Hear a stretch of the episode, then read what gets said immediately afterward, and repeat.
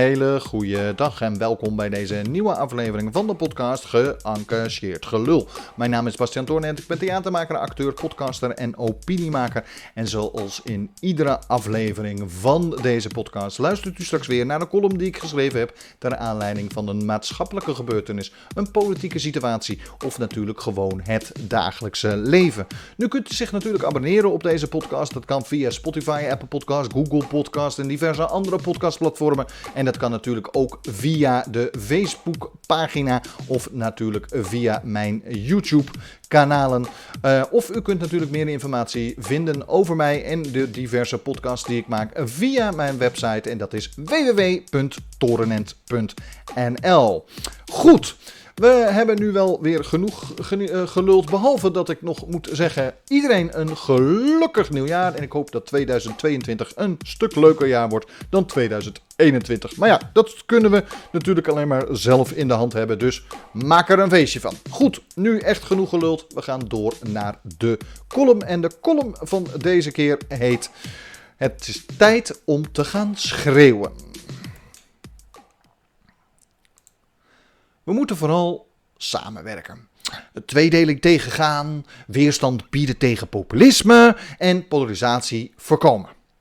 De oproepen om vooral elkaars mening te respecteren en met elkaar in gesprek te blijven, vliegen ons om de oren, terwijl niemand meer naar elkaar lijkt te luisteren.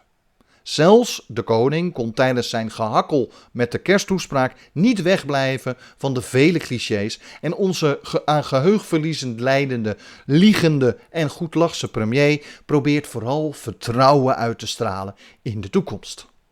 Iedereen lijkt inmiddels te lijden aan het D66-virus, wat betekent dat we er alles aan doen om de goede vrede te bewaren en met alles en iedereen compromissen proberen te sluiten, zodat niemand krijgt wat hij of zij werkelijk wil.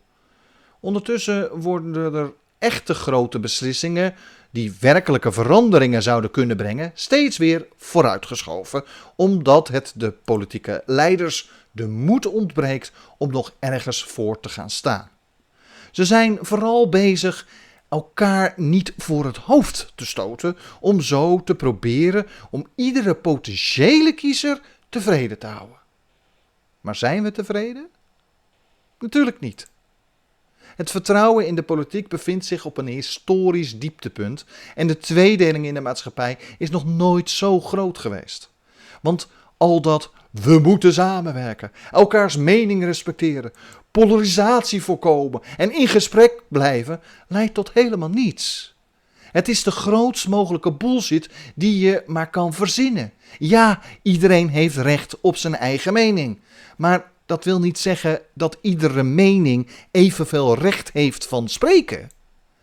Is de mening gebaseerd op bullshitverhalen, pseudowetenschap of sprookjesfiguren, dan is het belang van die mening ondergeschikt aan de door de meerderheid gedeelde mening die uitgaat van werkelijke feiten, gedegen wetenschappelijke onderzoek en realistische personen. Ja, natuurlijk moeten we in gesprek blijven, mits het gesprek bestaat uit op waarheid gebaseerde argumenten en checkbare feiten. En samenwerken is alleen ideaal als er ook werkelijke beslissingen worden genomen, waardoor men weet waar het naartoe gaat. Ik roep juist op tot meer polarisatie, niet minder. Want het zijn nu de grote schreeuwlelijken met de extreme ideeën zonder enige wetenschappelijke fundatie die we steeds weer horen. Het zijn de Holocaust-vergelijkers die geen enkele andere mening tolereren. De vrijheidroepers die andermans vrijheid willen inperken. De in sprookjes gelovende minderheid die de meerderheid hun religie wil opleggen. Maar de anderen horen we niet. Zij zwijgen, waardoor het extremistische het extremisme van de antifaxers, de complotdenkers en corona-ontkenners steeds luider wordt. Het populisme wint omdat de meerderheid polarisatie tegen probeert te gaan met redelijkheid. En de tweedeling wordt alleen maar groter omdat geen enkele politieke leider werkelijk stelling durft te nemen. Dus luister niet naar de bullshit van de hakkelende koning, noch naar die van de liegende premier. Zwijg niet meer, maar polariseer. Want wat de politieke leiders ook zeggen, de stille meerderheid zit opnieuw in een lockdown door de schreeuwende minderheid. Dus moeten we ook gaan schreeuwen. Hard schreeuwen, harder schreeuwen. Zo hard dat de politiek alleen nog de op waarheid gebaseerde en wetenschappelijk gefundeerde mening van de meerderheid hoort. Want alleen dan bestaat er een kleine kans dat ze ook werkelijk gaan luisteren en de politieke moed durven op te brengen om echte beslissingen te nemen. Alleen dan kunnen we lockdowns in de toekomst voorkomen door invoering van verplicht testen, 2G-beleid of zelfs een vaccinatieplicht. Alleen dan kan de horeca biertjes blijven tappen, theaters en festivals publiek blijven ontvangen, scholen les blijven geven, sportclubs blijven trainen en fan, fans hun club, sporters of artiest blijven toejuichen. Ja, we moeten samenwerken als meerderheid. Ja, onze mening doet er ook toe. En ja, het populisme moet worden tegengegaan. Maar niet door redelijkheid of het steeds maar blijven respecteren van iedere mening, maar door zelf te polariseren. Dus mijn oproep is meerderheid, schreeuw veel meer en polariseer. Dank jullie wel.